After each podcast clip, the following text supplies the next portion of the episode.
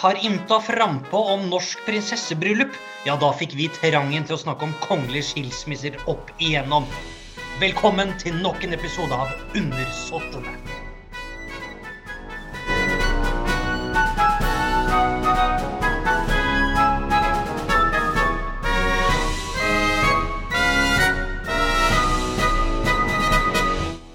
Ja, Ole Jørgen Skjulsrud Hansen, undersåttene. Det var kanskje litt rart sagt, men eh, velkommen skal du være. Du befinner deg jo i København. Ja, jeg eh, snakker med deg, Jørgen Kaupa Martinsen, fra kongens by. Eller nå så har det vært dronningens by da, siden 1972. Men Ja. hvem er det som holder tellinga?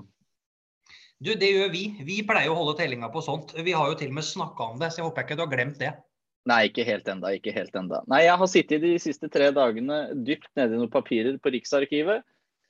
Prøvd å forstå danskene, danskene har prøvd å forstå meg, og vi har slått over til engelsk hver gang. Nei, det er nesten flaut.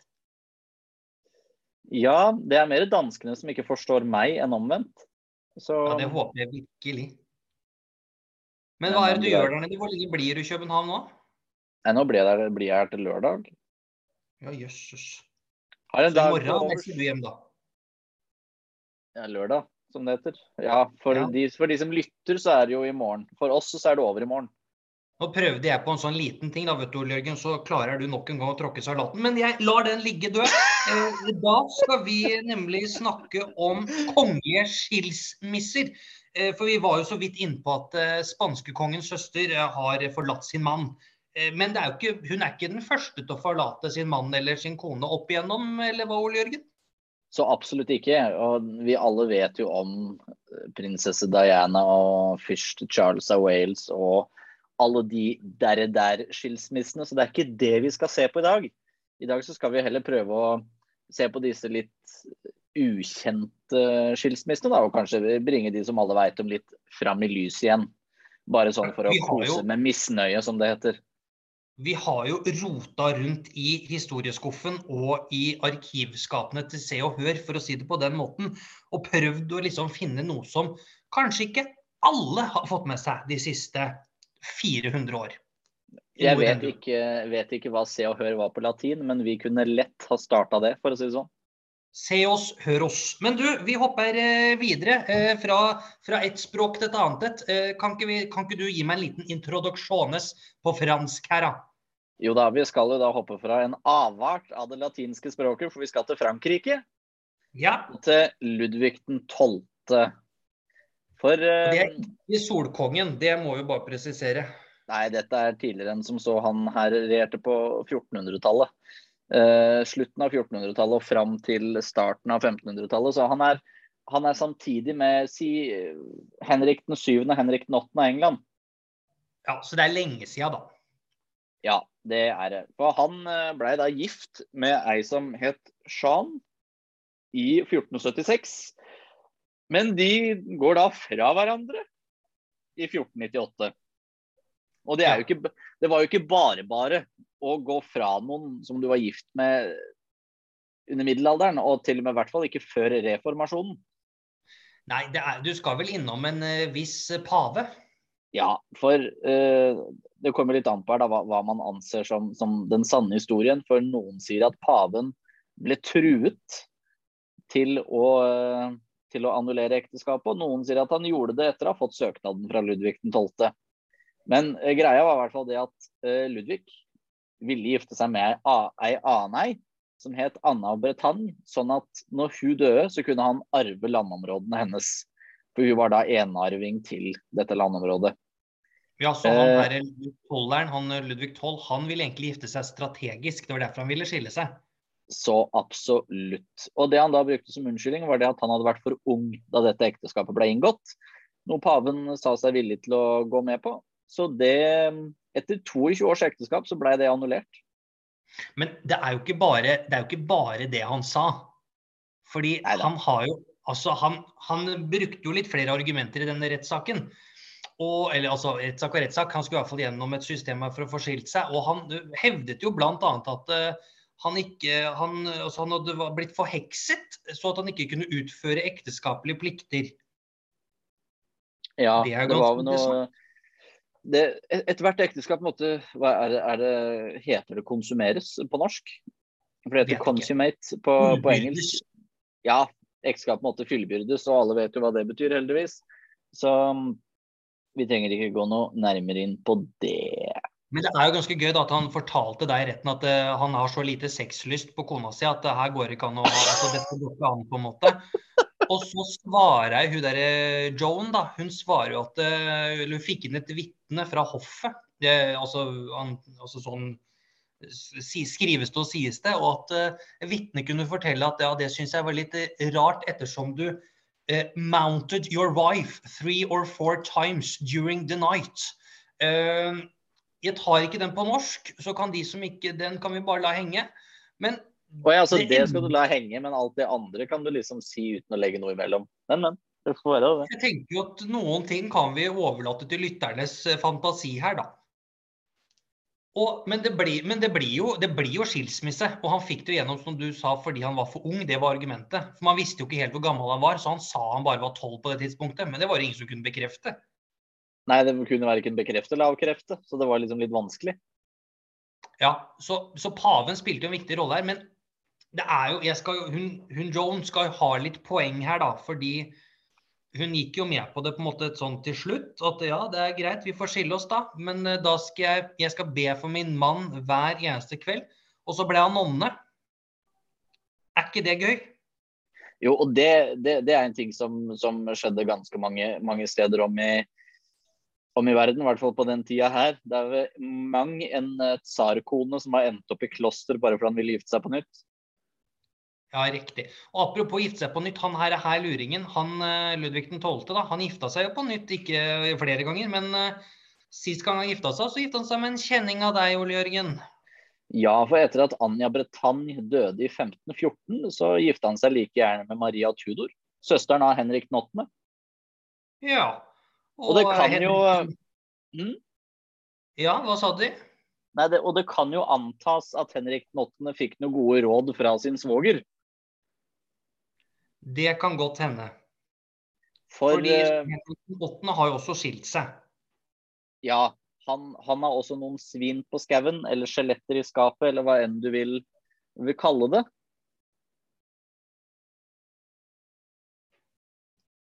Så det, Han var jo da gift med Katarina av Aragon, som var datter av Isabella og Ferdinand av Spania.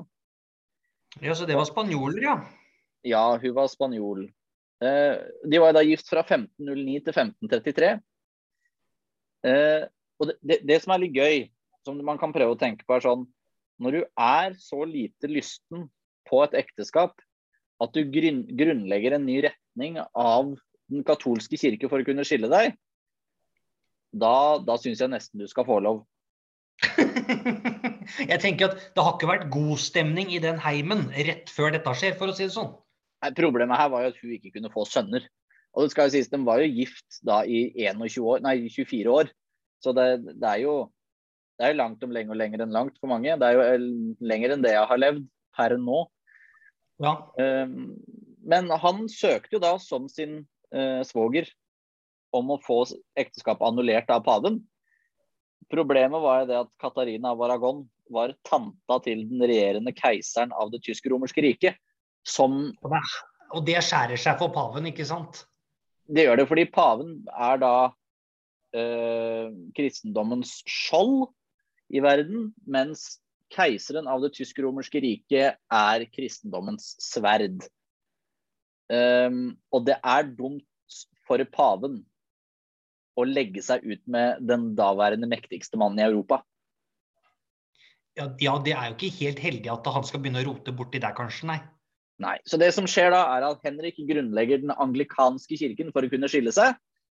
Og Katarina Aragon, ja, hun har ikke noe annet valg enn å dra hjem til Spania, da, der hvor nevøen hennes er konge. Som Karl den første, hvis jeg ikke husker feil. For han er da Karl den femte av det tysk-romerske riket. Ironisk nok så er det jo han som er keiser når Martin Luther spikrer opp sine teser på kirkedøra i Wirtenberg og starter reformasjonen. Så ja, den tidligere nevøen til Henrik den 8. måtte grunnlegge en ny kjerke til slutt, han òg. ivrig den familien er på å danne nye trosretninger, egentlig, da. Ja, det, det vil jeg så absolutt si. Kan vi, da, kan vi da trekke slutningen av at den engelske kirke den, er, den, den starter altså med en skilsmisse? Det kan du så absolutt si. Det er jo ganske interessant. Det sånn historisk sett. Ja, og det, det tar, jo, tar, jo, noen århundrer før vi får, uh, får en ny, eh, ny skilsmisse i det britiske kongehuset. Og en av, en av de er da prinsesse Margaret av Storbritannia, søsteren til dronning Elisabeth. Ja, som, den eh, kule og tøffe Margaret Rose, som hun heter. Det også er litt kult sånn, da. Tudor Rose og Margaret Rose. Her får vi til bindinger og dynastiske relasjoner inn i podkasten på så mange nivåer, Ole Jørgen. Det er bare å oppmuntre lytterne til å følge ekstra nøye med i dag, altså.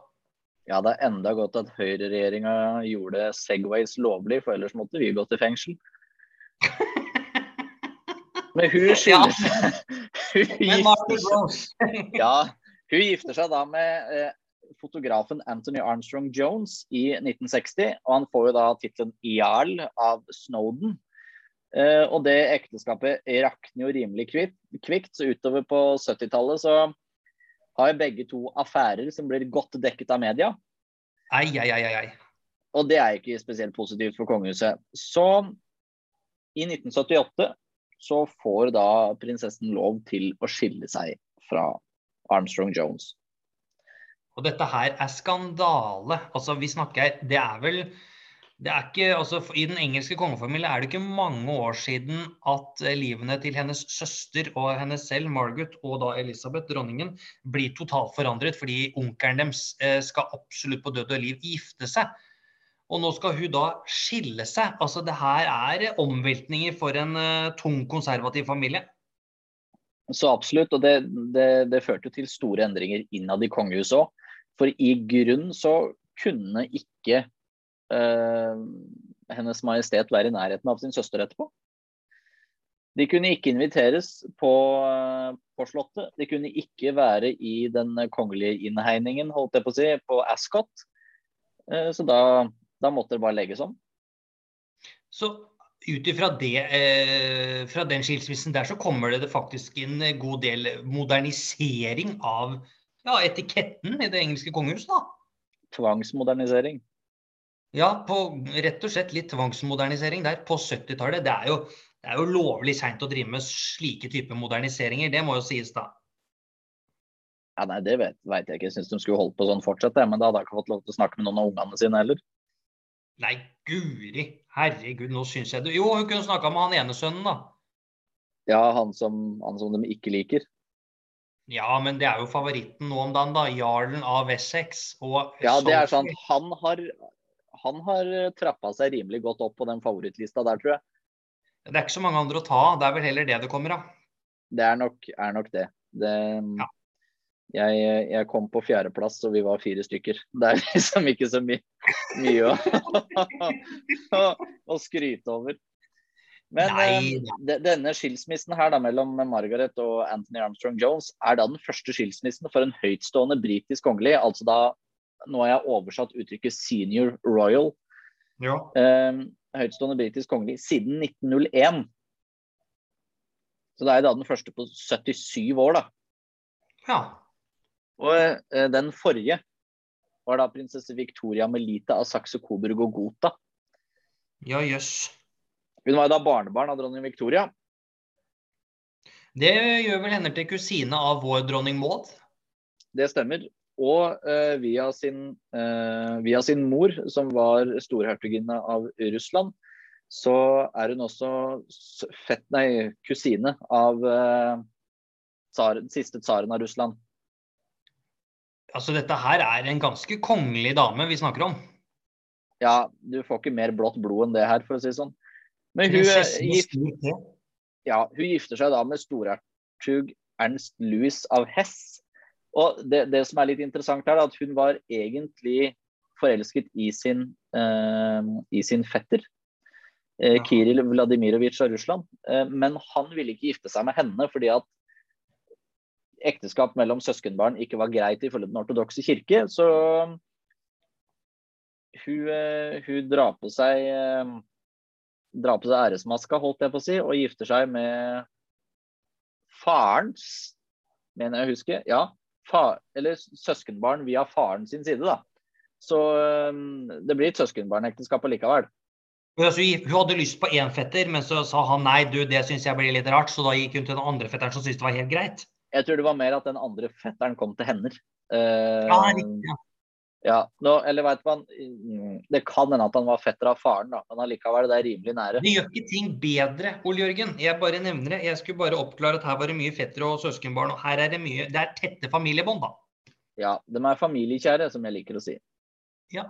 De er jo da gift fra 1894 til 1901, eh, og det eh, Hun har jo da hatt et, et vanskelig ekteskap i flere år, men hun venter da med skilsmissen fram til dronning Victoria er død, fordi at det er hun som har kjempet mest for at de skal holde sammen.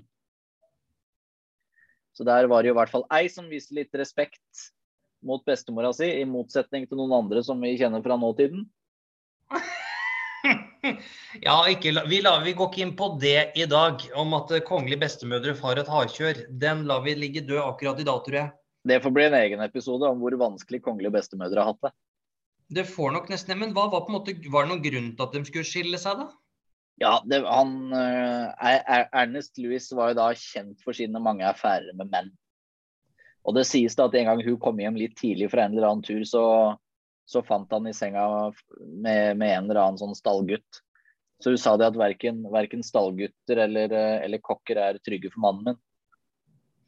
Riktig, ja. Men, altså det, men det, eh, akkurat det der minner jo meg på en litt annen kjenning også. Eh, hertuginne Argyll, eller hvordan man i alle dager sier det, på en måte. Eh, de, de, er ikke helt kongelige. Eh, for vi skal fram til den 11. hertugen av Argyll, eller Argyll, eller hva vi skal gjøre. Argyll er vel det sånn det uttales på Ergeil skal vi gå fram til. Han var jo da nevø av den inngiftede mannen til prinsesse Louise, som er datter av dronning Victoria. Og den kan dere tygge litt på, så den må dere høre flere ganger. Men han, 11. hertugen av Argyll, Argyll, Argyll eh, han orka ikke lenger å være gift med sin frue Margaret, fordi han eh, hadde funnet ut at Eller han påsto og anklaget henne for å ha affære med ikke mindre enn 88 forskjellige menn. Og dette, som Bevisene for dette var at han hadde funnet polaroidbilder hun hadde tatt eh, mens eh, hun holdt på med seksuelle aktiviteter med ukjente menn. Liten sånn fun fact med en sånn nesten-kongelig der, da. Ja, det, det, er viktig at de tar etter oss vanlig, holdt jeg på å si, med sånne type bilder. Men ja, det, det, og det, greit. det ble jo skilsmisse, det er ikke noe å tenke på. Nei. Så med tilbake igjen til hun Victoria Melita, da, så får hun da til slutt gifte seg med sin uh, ungdomskjærlighet, storhertug Kiril Vladimirovitsj av Russland. Um, I 1905, fire år etter skilsmissen med Ernst Louis. Uh, problemet er det at de, gifter seg uten tsarens godkjennelse, så de blir jo kasta på huet og ræva ut av Russland. Og ja, såpass, ja men får komme tilbake i sånn 1912 eller et eller annet sånt og får tilbake en tittel og det som er. Så hun gifter seg jo eh, på, på linje med sin stand, men han, Ernst Louis gifter seg på nytt med prinsesse Eleonore av Solms-Hohenzoll-Lich i 1905. Ja, riktig, ja. Men skilsmisse blir det iallfall, da. Det blei det. Men eh, det var godt at de fikk gifta seg lykkelig på hver sin side etterpå, da. Er det jo rimelig å anta.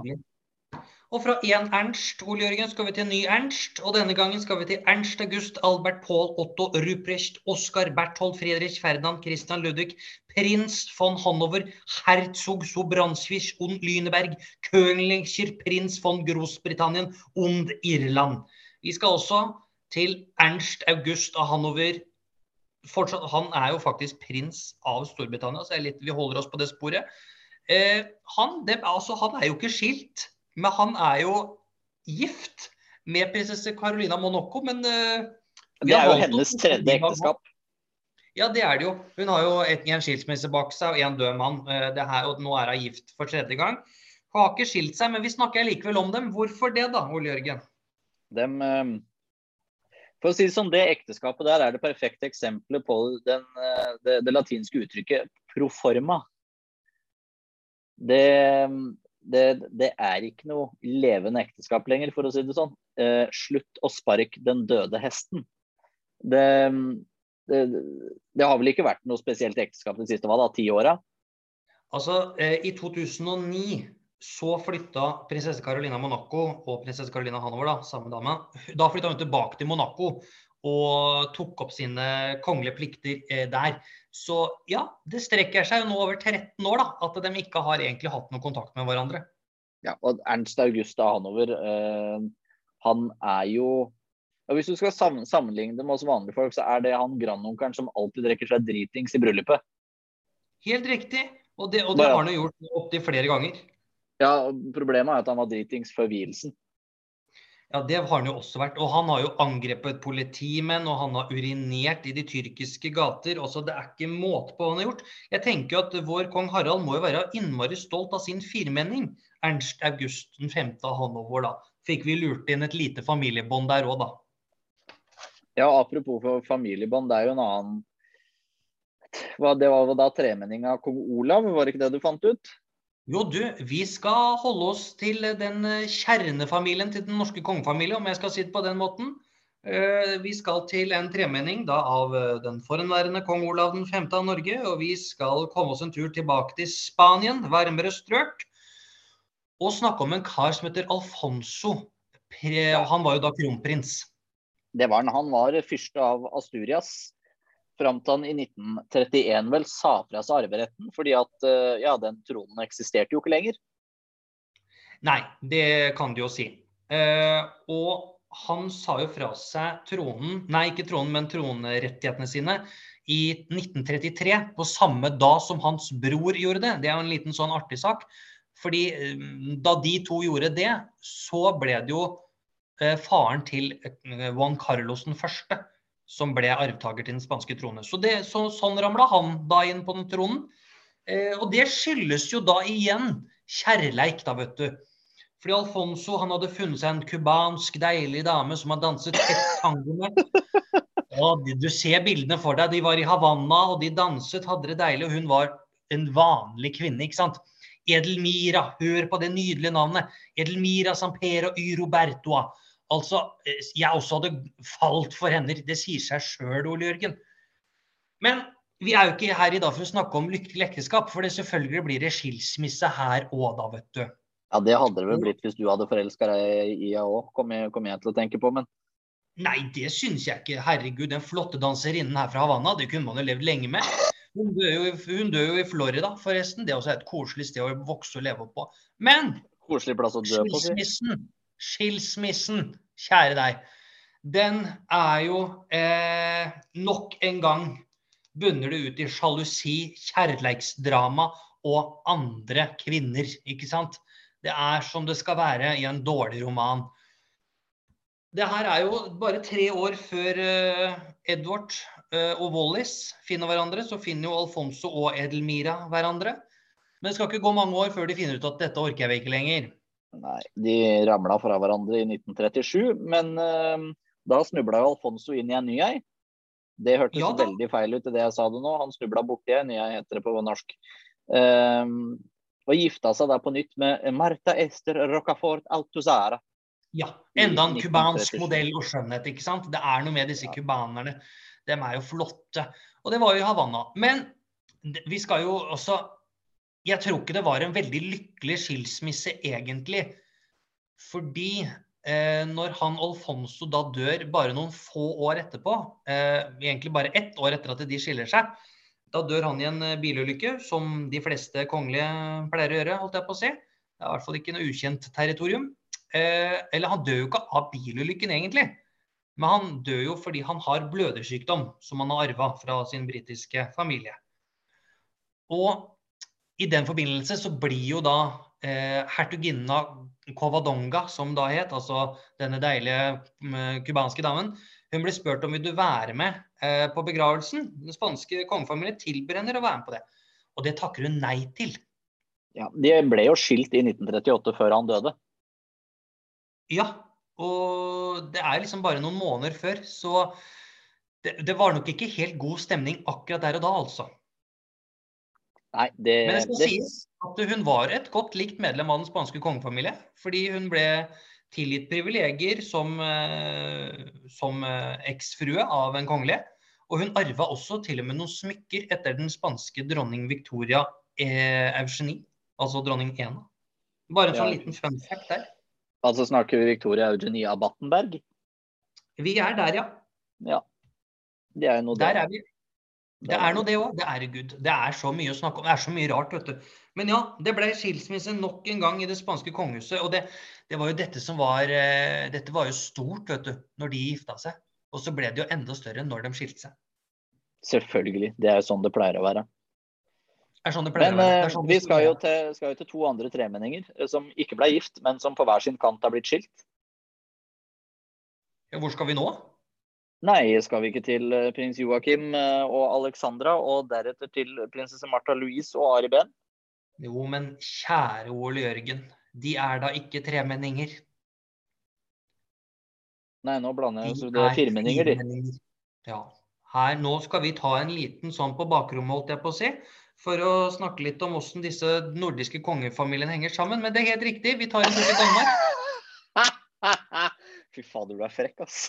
Kan ikke du fortelle litt i gang her, da, hvordan dette egentlig er? Fordi hvem er prins Joakim, og hvorfor i alle dager skal vi snakke om han i dag? Prins Joakim er da yngste sønn til dronning Margrethe 2. av Danmark og prins Henrik av eh, Danmark. Og han eh, er jo da, som det heter, prins til Danmark fordi han eh, er i arverekken, og ikke bare av. Eh, Og han eh, ble jo da i 1995 gift med Alexandra, som i dag er grevinne av Fredriksborg. Ja, det er også en ganske flott uh, tittel egentlig å ha. Det er ikke mange som har den. Nei, i hvert fall ikke når du er ute av kongehuset. Det er jo ikke så gærent, det. Nei, det er ikke gærent. Men de får jo da et par- par-tre barn sammen. eh, Går fra hverandre i 2005. Og Joakim gifter seg jo da på nytt med Marie Cavalier i 2008. Ja, og eh, prins Joakim er jo da den første kongelige på, siden Fredrik den syvende som skiller seg, noe som gjør at eh, Hennes Majestet Dronning Margrethe 2. Hun, må, hun går ut på offentlig fjernsyn og beklager at prinsen skal skille seg. Det, Altså, det er sterke ord. det, det, er, det er en fin greie. Det bør vi gjøre mer av. At kongelige går offentlig ut og unnskylder ting som ikke passer seg, ifølge dem selv. Men jeg tror du hadde likt prins Joakim ganske godt, fordi han har jo kalt sine barn Nikolai og Felix. Og hvilket kongehus er det de pleier å høre til? Nei, det, det er det Ja, russiske, da. Ja, det er jo det, vet du. Og du har jo også vært en liten tur eh, Du er jo i København, men du har vært en tur på den utstillingen som jeg rota noe voldsomt med forrige uke, altså.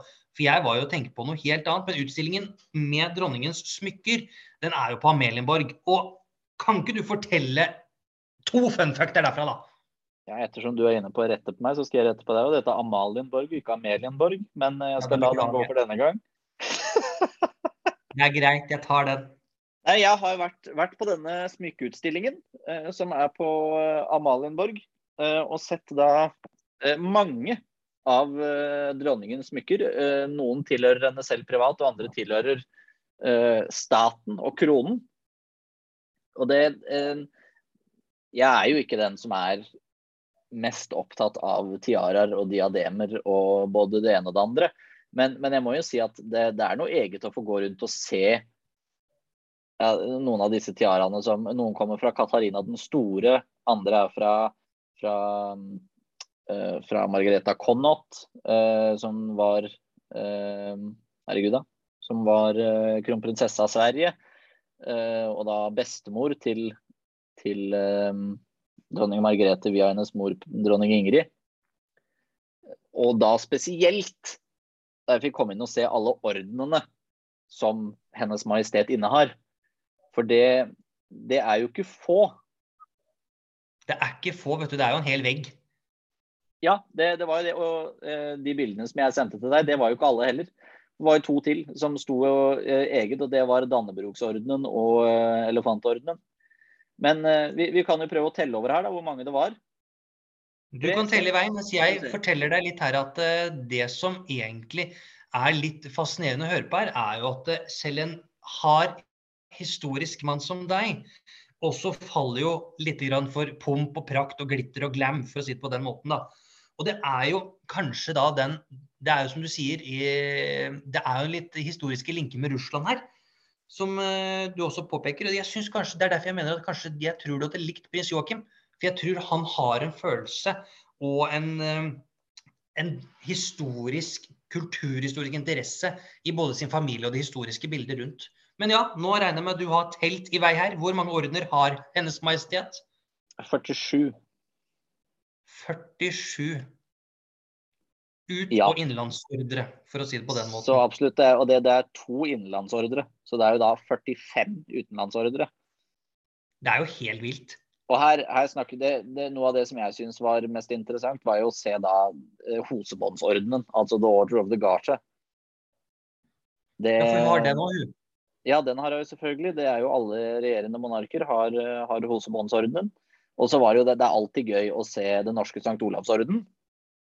Ja, den er jo den er voldsomt flott. Og så det, det, er jo så mange ordener som jeg ikke, ikke vet om.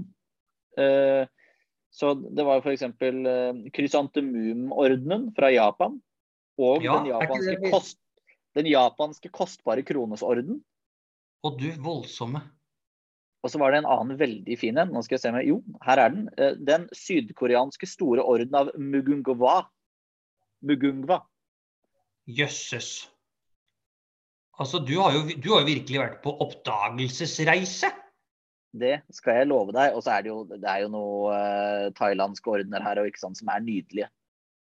Ja. Så, og så er det jo når vi først er inne på dette med ordrer, da, så kan vi jo bare for en liten sånn uh, oppdatering i nyhetsbildet også. Så uh, i disse dager, mens uh, vi snakker her, så er kongeparet i Belgia er en tur i Oman. Og as we speak, da, som er tredje i annen 22, så har altså Hans Majestet Kong Filipe han har mottatt ordren fra Oman, som er den, liksom, den høyeste ordren fra sultanen Oman Haitaim bin Tariq så det er jo i forbindelse med statsbesøk at dette skjer. Og det, det sier jo litt om hvor mye Hennes Majestet dronning Margrethe har reist, da. Det er nettopp det. Og det kunne, det, jeg skulle gjerne sett en sånn utstilling for de norske kongelige også. Ja, virkelig. Men du, før vi roder oss helt bort, så ga du oss et godt stikkord der. De norske kongelige her. Det har jo vært litt skilsmisser hos oss òg? Det har det. Og vi skal jo da til den første kongelige skilsmissen i moderne tid i Norge. Vi skal faktisk det. Den, og det er jo da eh, prinsesse Martha Louise og Ari Behn. Ja, så du kan si at den skilsmissen starter i 2002 når de gifter seg i Nidarosdomen, og den avsluttes senere på 2000-tallet en eller annen gang. Du er altså, så positiv, ja. ja, men du kan jo si det var ikke ment sånn egentlig. Men jeg, jeg skulle bare gi folket bilder. For det, var, det bryllupet var jo svær begivenhet. Altså Hun gifta seg i Nidarosdomen. Altså dette her er jo Vi leker jo ikke. Nei, den pumpen og prakten vi har her, den bruker vi. Det gjør vi. Og, men det er en liten sånn fun fact som kanskje ikke de fleste vet om, er at uh, Märtha var involvert i en skilsmisseskandale allerede i 94, ut som 22-åring. Ja da, det var hun, vet du. Da Hans Majestet Kongen måtte fly og redde fra å måtte vitne i en rettssak? Ja, fordi det var jo plutselig så var det en kvinne borti England der da, som mente at mannen hennes, herr Philip på noen og 40, han drev med hestesport, at han og Märtha hadde en liten affære da, vet du. Men uh, Ja, hun la vel den affæren til grunn for at ekteskapet hadde rakna? Ja, det var jo det hun mente. Så du kan jo si at allerede inntil fire så var jo Märtha involvert i en skilsmisse. Men uh, jeg, jeg kjøper ikke helt den, også. Det som er litt gøy, er hvis du ser på, uh, ser på året med kongefamilien fra 1994 så nevner uh, NRK-reporteren dette bare ved et sånt lite kvekk. ved å si sånn, og hennes, uh, hennes kongelige høyhet prinsesse Eller hun er vel ikke kongelig Jo, hun var det. Hennes kongelige høyhet uh, Märtha Louise var vitne i en skilsmissesak i London tidligere i år. Og ikke noe mer. Nei, ikke sant. Det er punktum finale. Og det ble jo punktum finale for Märtha og Ari også. Eh, som ja, du sier, første norske skilsmisse i moderne tid. Det, kan du noen på stående fot kan du noen Vet vi om noen historiske skilsmisser i norsk monarki? Du, altså, da snakker vi vikingtid, altså vi snakker før disse danskekongene og svenskekongene og det hele rekka. Eller var det det, hadde, bare jo, det hadde jo verken kristendom, ekteskap eller giftermål holdt jeg på å si, i vikingtida. Altså, det er litt vanskelig. De hadde jo koner og treller og friller og det som var. Ja, riktig, ja. Eh, Men jeg vil jo anta at av disse danskekongene i unionen eh, Danmark-Norge, så er det sikkert én av dem som har ja vært Fredrik 7. eh, skilt seg to ganger. Ja, gjorde han det? Ja da. Han er kjent for det, han, vet du. Så det Altså den gale Å ja, Fred eh, Den syvende. nå- Fredrik ja, jeg, jeg, jeg tenkte på Christian den syvende, men eh, ja, Fredrik den syvende, selvfølgelig. Det Men Märtha er jo, men skal vi slå fast egentlig bare at prinsesse Märtha Louise er den eneste norske, norskfødte prinsessen som noensinne har skilt seg i det lange monarkihistorien vår? Så bastante syns jeg vi skal være. Det syns jeg også. Og det, og det, så må vi også meddele at uh, ifølge hennes eh, kjæreste, Durek, uh, så skal de gifte seg. ja, vi gleder oss. Herregud, et, altså, nok et prinsessebryllup. Jeg er litt usikker på om det blir på norsk jord, men uh, det er jo uansett koselig å runde av en skilsmisseepisode med å ønske Durek Verret, sjamanen over alle sjamaner, og Hennes Høyhet, prinsesse Märtha Louise, til lykke med de veldig mange år som først kommer fremover med Gud, så mye gøy vi skal ha det med de fremover, tenker jeg. Så kan vi jo prøve å sammenligne hvilke gjester som kom i bryllupet hun hadde med Ari Behn, og hvem som kommer i bryllupet hun skal ha med Shaman Durek. Du kan sitte med de listene framfor deg. Det kommer jeg til å droppe. Ole Jørgen, Ja. da har vi bare én ting til å si. Vi lyttes.